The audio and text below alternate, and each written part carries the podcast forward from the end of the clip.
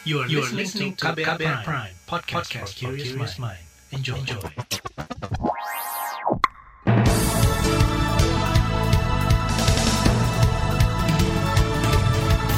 Anda mendengarkan Buletin Pagi edisi 11 Agustus 2021 yang dipersembahkan oleh kantor berita radio saya, Reski Mesanto. Saudara, pagi hari ini seperti biasa tim redaksi KBR telah menyiapkan sejumlah informasi untuk Anda. Di antaranya, pemerintah siapkan peta jalan pandemi COVID-19. Masuk red notice, Polri yakin Harun tak akan lolos dan Ganjar tak setuju sertifikat vaksin jadi syarat pelonggaran aktivitas. Dan saudara inilah Buletin Pagi selengkapnya terbaru di Buletin Pagi. Saudara, pemerintah akan membuat roadmap atau peta jalan hidup berdampingan dengan COVID-19. Ini adalah perintah Presiden Joko Widodo untuk mengantisipasi jika pandemi berlangsung hingga bertahun-tahun. Menteri Kesehatan Budi Gunadi Sadikin mengatakan, peta jalan ini dibuat agar masyarakat bisa tetap menjalani kehidupan sehari-hari.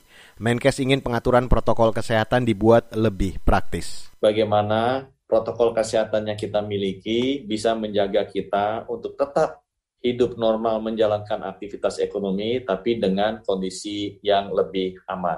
Untuk itu, atas arahan Bapak-Bapak Menko, kami akan segera melakukan pilot project yang mengatur setara digital penerapan dari protokol-protokol kesehatan di enam aktivitas utama. Menkes merinci enam aktivitas utama yang dijadikan percobaan adalah perdagangan, kantor dan industri, transportasi, pariwisata, keagamaan, serta pendidikan. Dalam masa percobaan ini, pemantauan protokol kesehatan akan diatur lewat aplikasi Peduli Lindungi. Aplikasi itu akan diintegrasikan dengan sejumlah mall, transportasi udara, dan sektor lainnya. Dalam pelaksanaannya nanti, masyarakat yang sudah divaksin boleh melonggarkan protokol kesehatan.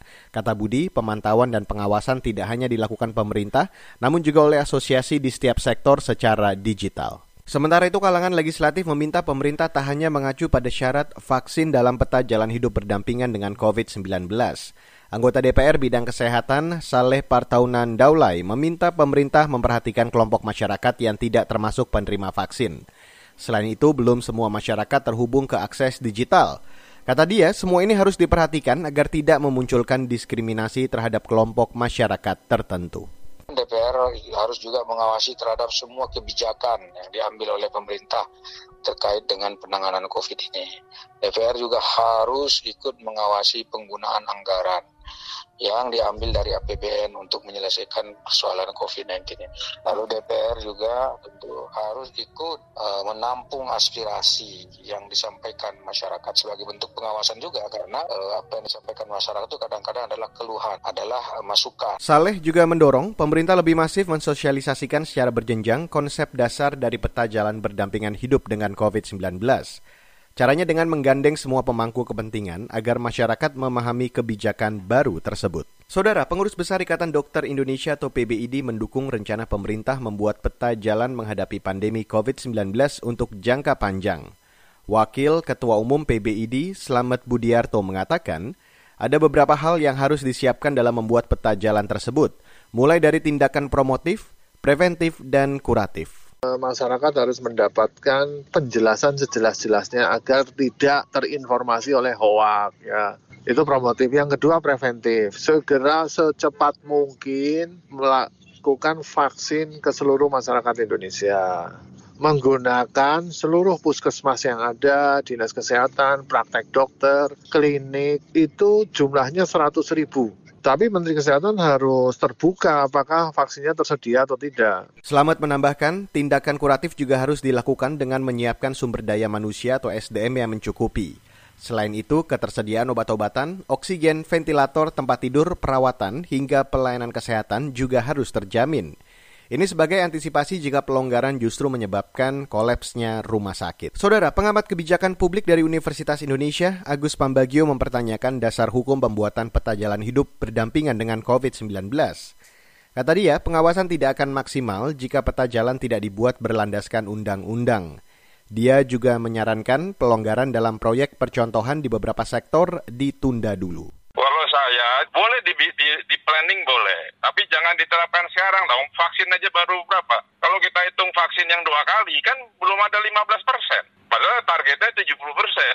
Terus gimana? Sekarang orang mau vaksin aja susah. Di, da- di Jakarta mungkin bisa, di daerah. Jadi maksud saya, di planning boleh, tapi tunggu dulu. Dia vaksin semua sudah 70, kalau nggak sabar buru-buru ya. Nanti kalau, karena semua yang kejadian sekarang, saya sudah ingatkan di tahun lalu, di awal COVID, kejadian. Saudara, itu tadi pengamat kebijakan publik dari Universitas Indonesia, Agus Pambagio. Sementara itu, pengamat kebijakan publik dari Universitas Trisakti, Trubus Rahardiansyah menyarankan pemerintah mengkomunikasikan secara baik rencana peta jalan ini ke masyarakat. Sebab selama ini komunikasi antara pemerintah pusat dan daerah kerap tidak berjalan baik, sehingga menyebabkan kebingungan dan tidak maksimalnya pelaksanaan di lapangan.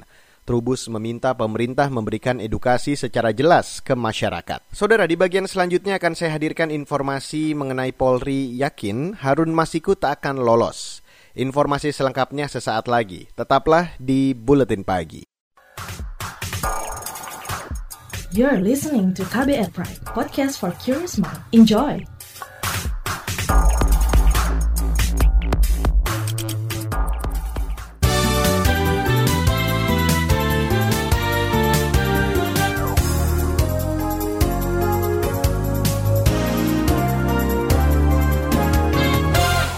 Saudara, pemerintah berencana memproduksi 10 molekul bahan baku obat-obatan dalam negeri guna menekan impor.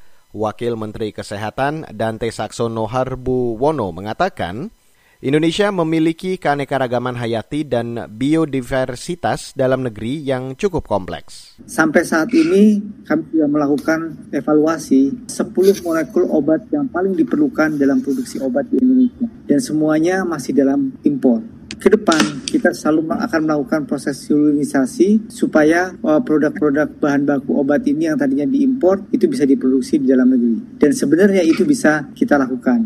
Dante tidak menyebut secara rinci jenis bahan baku obat apa saja yang akan diproduksi di dalam negeri. Namun dia menyebut salah satu bahan baku obat penurun panas yang familiar di tengah masyarakat yakni paracetamol masih diimpor oleh Indonesia Padahal kata dia, bahan bakunya berasal dari fenol yang diproduksi oleh PT Pertamina. Saudara Ketua Bidang Perubahan Perilaku Satgas Penanganan COVID-19, Sony Haribe Harmadi mengklaim kesadaran masyarakat akan protokol kesehatan sudah tinggi.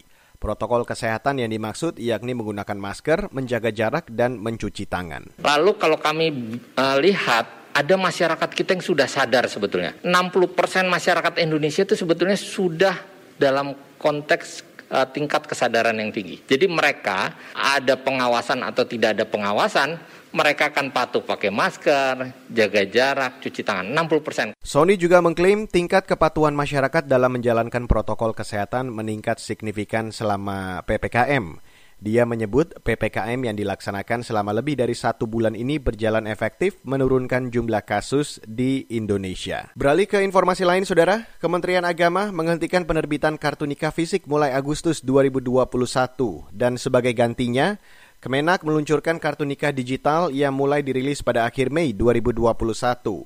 Dalam rilis yang diterima KBR, Dirjen Bimas Islam Kemenak Kamarudin Amin mengatakan, Layanan kartu nikah digital bisa diakses di semua kantor urusan agama atau KUA yang telah terintegrasi dengan Sistem Informasi Manajemen Nikah atau SIMKAH Web.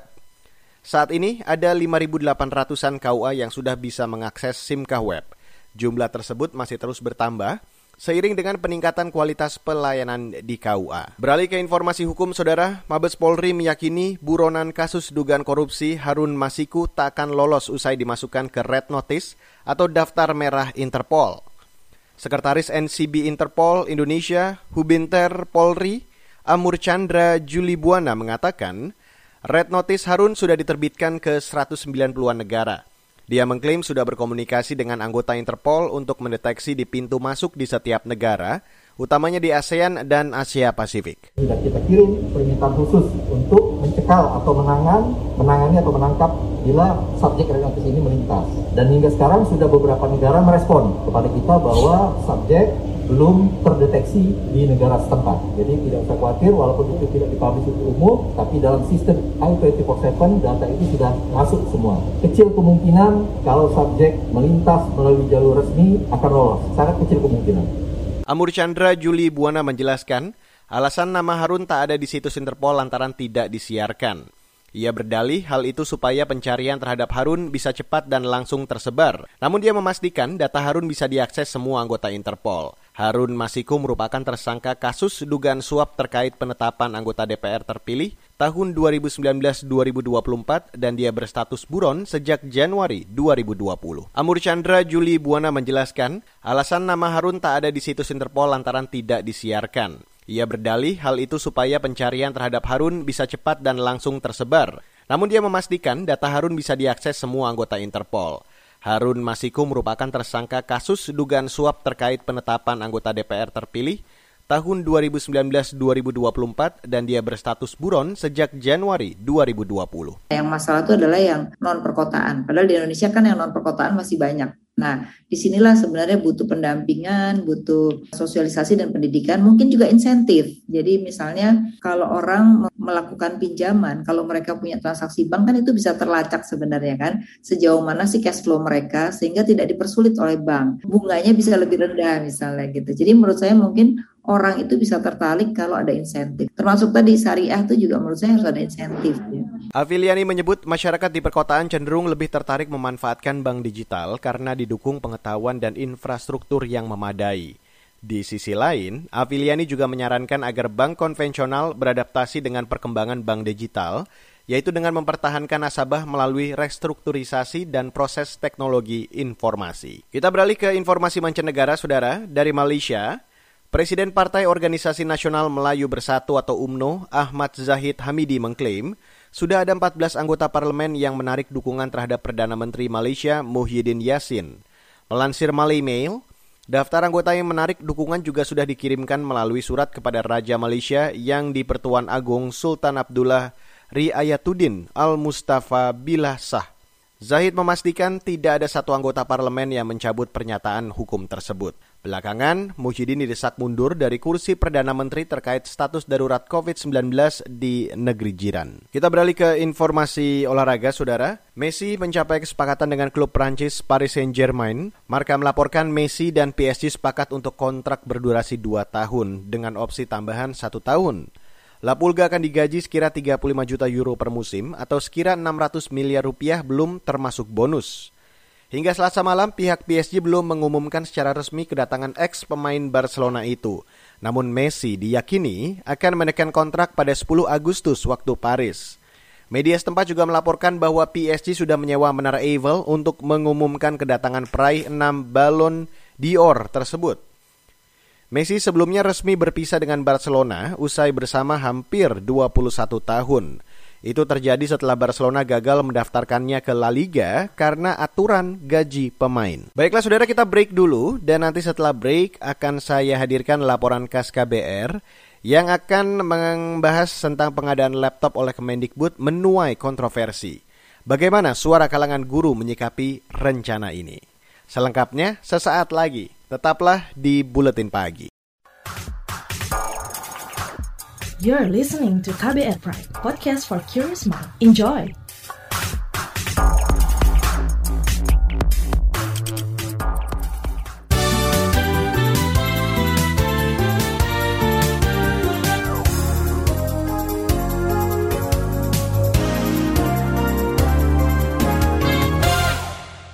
Anda sedang mendengarkan buletin pagi hari ini 11 Agustus 2021 bersama saya Reski Mesanto.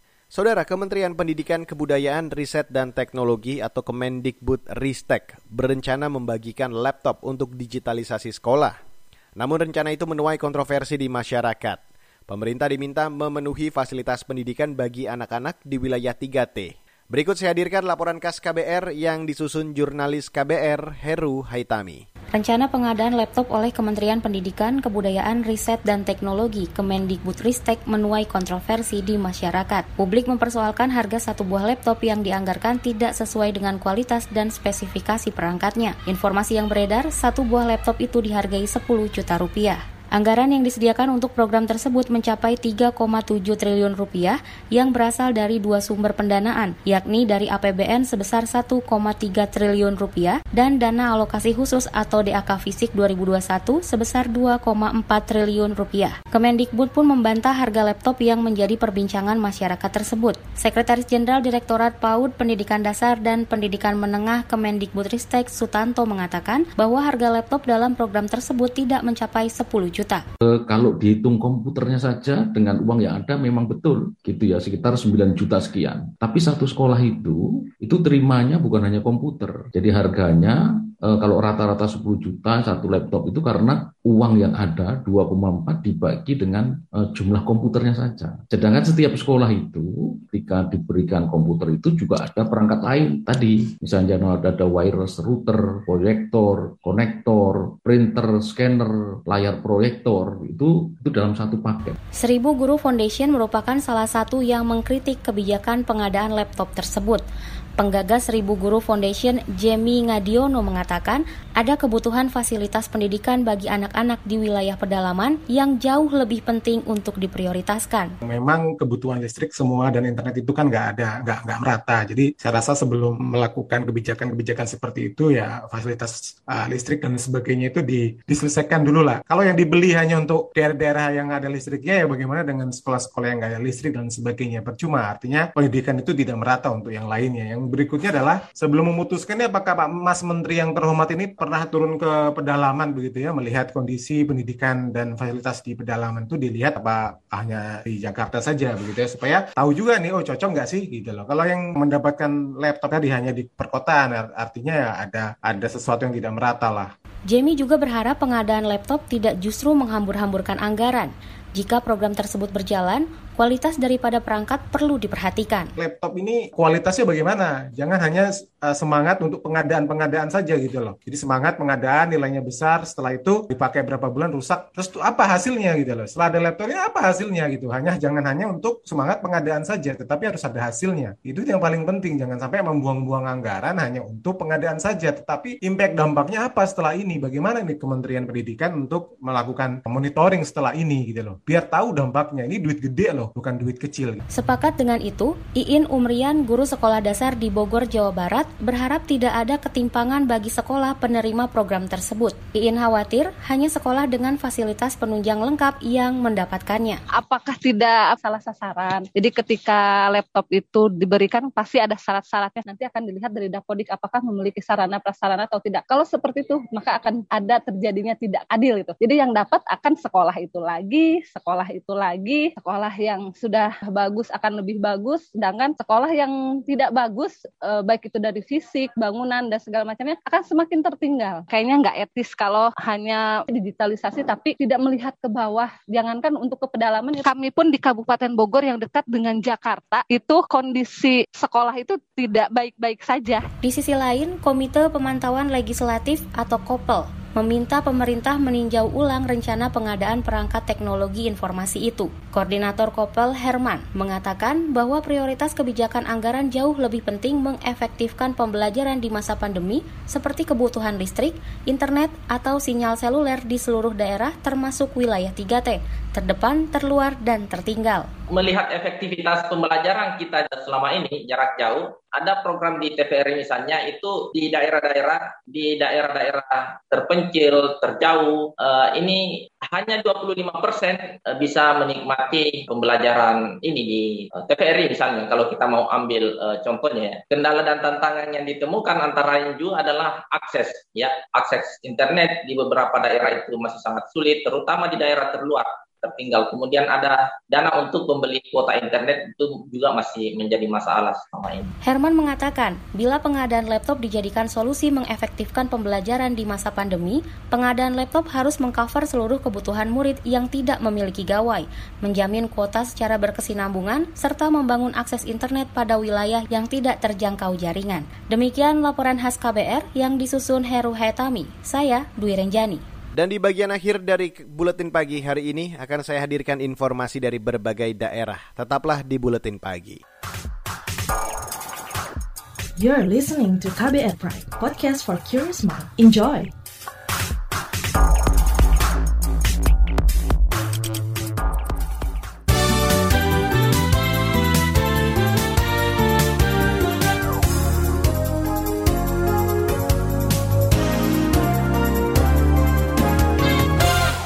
Saudara, inilah bagian akhir dari buletin pagi hari ini. Kita ke Kalimantan Timur, Saudara. Pemerintah Kota Balikpapan melibatkan TNI Polri untuk menjemput pasien positif yang menjalani isolasi mandiri di rumah. Kepala Dinas Kesehatan Kota Balikpapan Andi Sri Juliarti mengatakan, pasien positif harus menjalani isolasi terpusat sehingga bisa terpantau.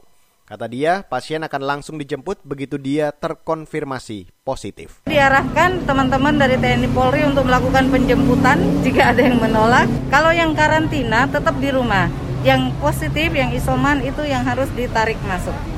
Karena penularan nggak akan berhenti-berhenti. Siapa yang bisa menjaga orang positif di rumah? Nggak keluar kamarnya paling nggak. Akhirnya nanti pada hari 3-4 keluarganya yang tadi negatif ikut tertul, ikut positif juga ini yang di dalam rumah. Angka penularan virus corona di Balikpapan mencapai 400 hingga 500 per hari. Sementara untuk kasus kematian rata-rata 20 hingga 30-an orang per hari.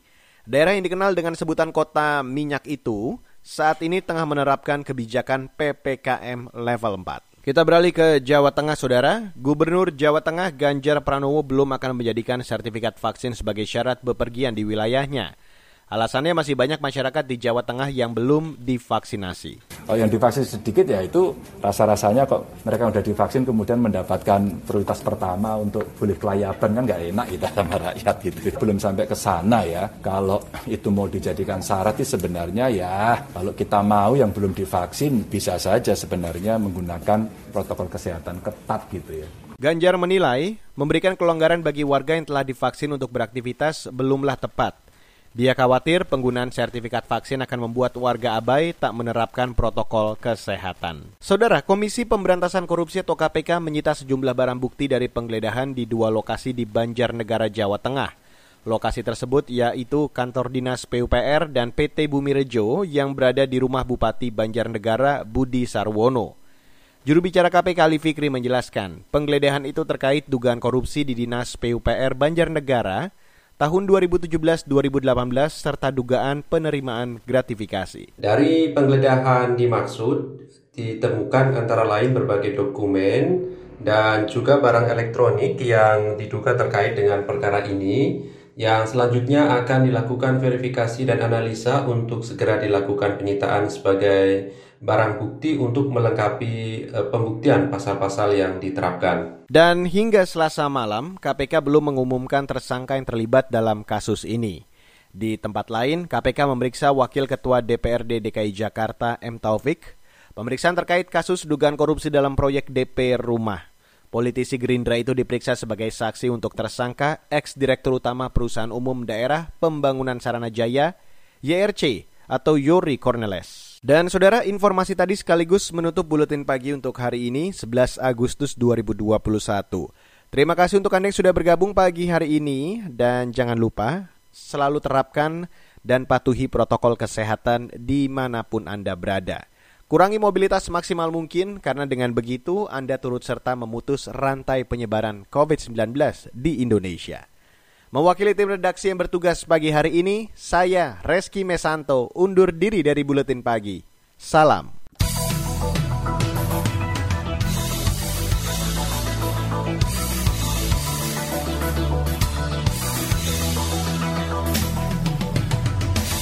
KBR Prime, cara asik mendengar berita. KBR Prime, podcast for curious mind.